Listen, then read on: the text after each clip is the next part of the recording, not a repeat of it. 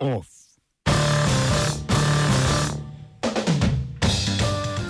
Trump zaostruje politiko do Kube. Nemčija zaostruje deportacije imigrantov. Grčija bo od Nemčije zahtevala odškodnino za drugo svetovno vojno. Vlada za umestitev znakovnega jezika v slovensko ustavo. V kulturi pa black metal, simpozij v moderni.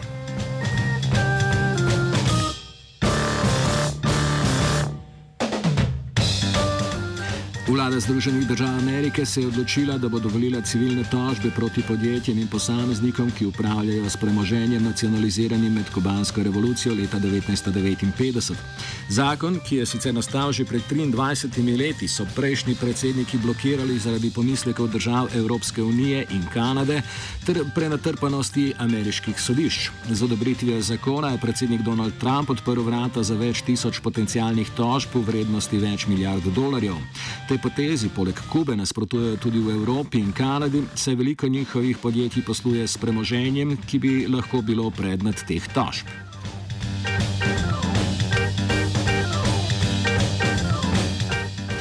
Predsednik Izraela Reuven Rivlin je mandat za sestavo nove izraelske vlade podelil aktualnemu predsedniku vlade Benjaminu Netanjahuju. Njegova stranka Likud je na volitvah sicer dosegla praktično enak rezultat kot največja opozicijska stranka Belomodrega zavezništva, a ima konzervativna koalicija, ki jo je uspel sestaviti Netanjahuju v Knesetu, deset glasov več. Bibi ima sedaj 42 dni časa, da sestavi novo izraelsko vlado. Ob tem je odprti še kar nekaj pomembnih vprašanj, ki lahko potencialno ogrozijo sestavo nove vlade.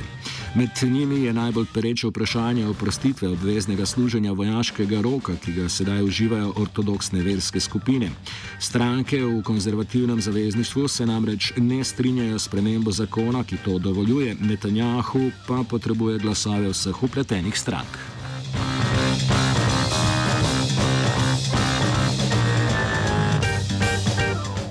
V Indoneziji so potekale parlamentarne in predsedniške volitve. Uradnih rezultatov še ni, a kot kaže, bo zmago slavil dosedanji predsednik Joko Widodo. Več o tem ob petih v offsajdu. Nemška vlada je sprejela nov predlog zakona o deportacijah ilegalnih migrantov, imenovan Geordente Riker Gesetz. V prevodu zakon urejene vrnitve. Po novem zakonu bo vlada povečala število deportacij imigrantov, saj so jih lani deportirali 25 tisoč. To naj bi bila le desetina vseh tistih, ki so v državi brez dodeljenega azila oziroma državljanstva. Zakonu, ki kot kaže v parlamentu uživa podporo, močno nasprotujejo zvezdne države. Po določilih zakona bi namreč osebe, ki čakajo na potencijalno deportacijo na mesto v azilnih domovih, pridržali kar v zvezdnih zaporih. Po besedah večine zvezdnih vlad ti niso pripravljeni na te nove zapornike. Zakonu poleg tega nasprotujejo tudi organizacije, ki se borijo za pravice imigrantov, saj si, saj si je po njihovem mnenju težko predstavljati hitrejše in številčnejše deportacije brez kršenja pravic prosilcev za azil do pravične obravnave njihovih prošenj.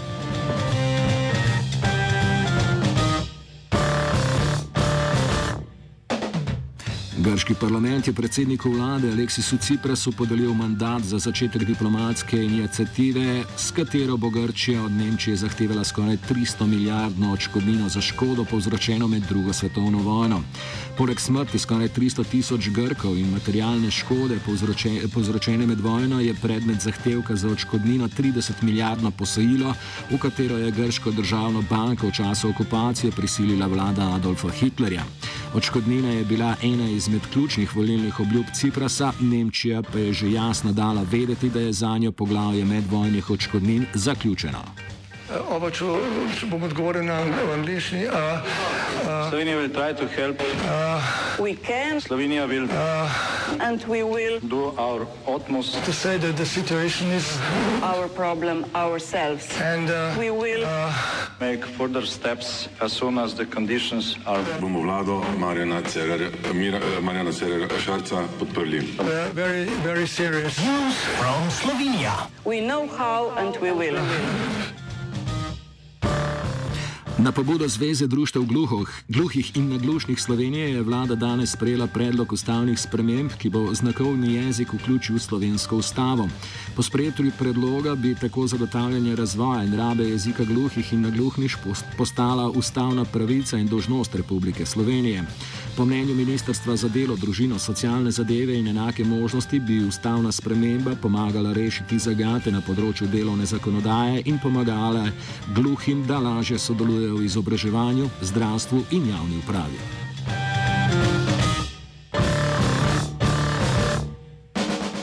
Ljubljanska snaga se je uradno pripojila podjetju vodovodi in kanalizacije oziroma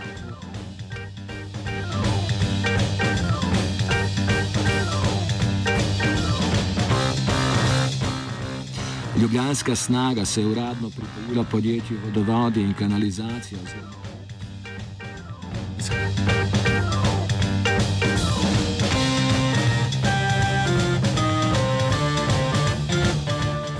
V tretje gre rado, pravijo, no, da vidimo, če bo šel zdaj le rado.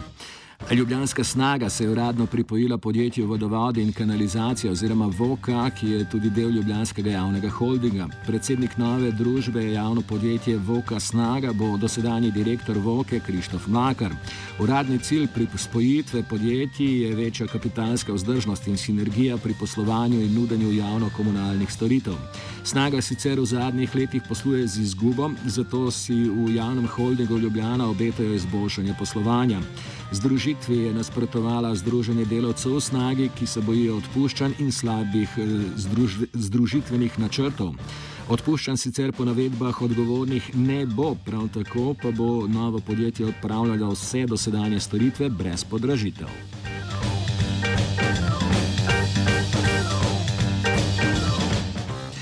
Državni stanovanski sklad je pri Evropski centralni banki zaključil proces zagotavljanja 50-milijonskega posojila za gradnjo novih stanovanj.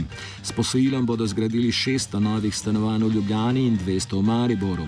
Stanovanja v velikosti od 30 do 80 kvadratnih metrov bodo na voljo pre, predvidoma do 2021. Po besedah predstavnikov sklada bodo nova stanovanja na območju Novega Brda in na Gerbičevi pomagala razbremeniti nepremičninski trg v Ljubljani. Ljubljani, cene stanovanj v prestolnici namreč rastejo hitreje od povprečja evropskih prestolnic. Kljub temu pa bo po napovedih eh, zgolj polovica novih stanovanj neprofitnih, ostala pa bodo prodajali po polni tržni ceni.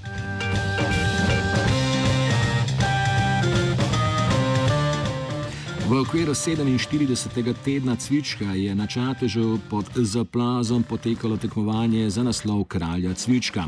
Ta prestižni naslov je letos osvojil Robert Jarkovič iz Gadove peči, ki je ob osvojitvi naslova povedal. Za mene pomeni eh, to eno, eno, eno lovorika, ki, ki nekega dela, ki ga delam že eh, 30 let in eh, eno veliko priznanje, da lahko se eh, govorimo o enem od najboljših svečkov v glavi peči. Eh, sveček je glik, eh, eh, potem eh, eh, praktično poznan, da je nižji alkohol. In cel svet strmi zdaj k nižjemu alkoholu in eh, sigurno je to njegovo priporočilo. Je pa seveda eh, ni to eh, neko eh, prezentativno vino, ampak je vino za vsak dan, za dobro počutje in za dobro zdravje. Off je spisal Koruza.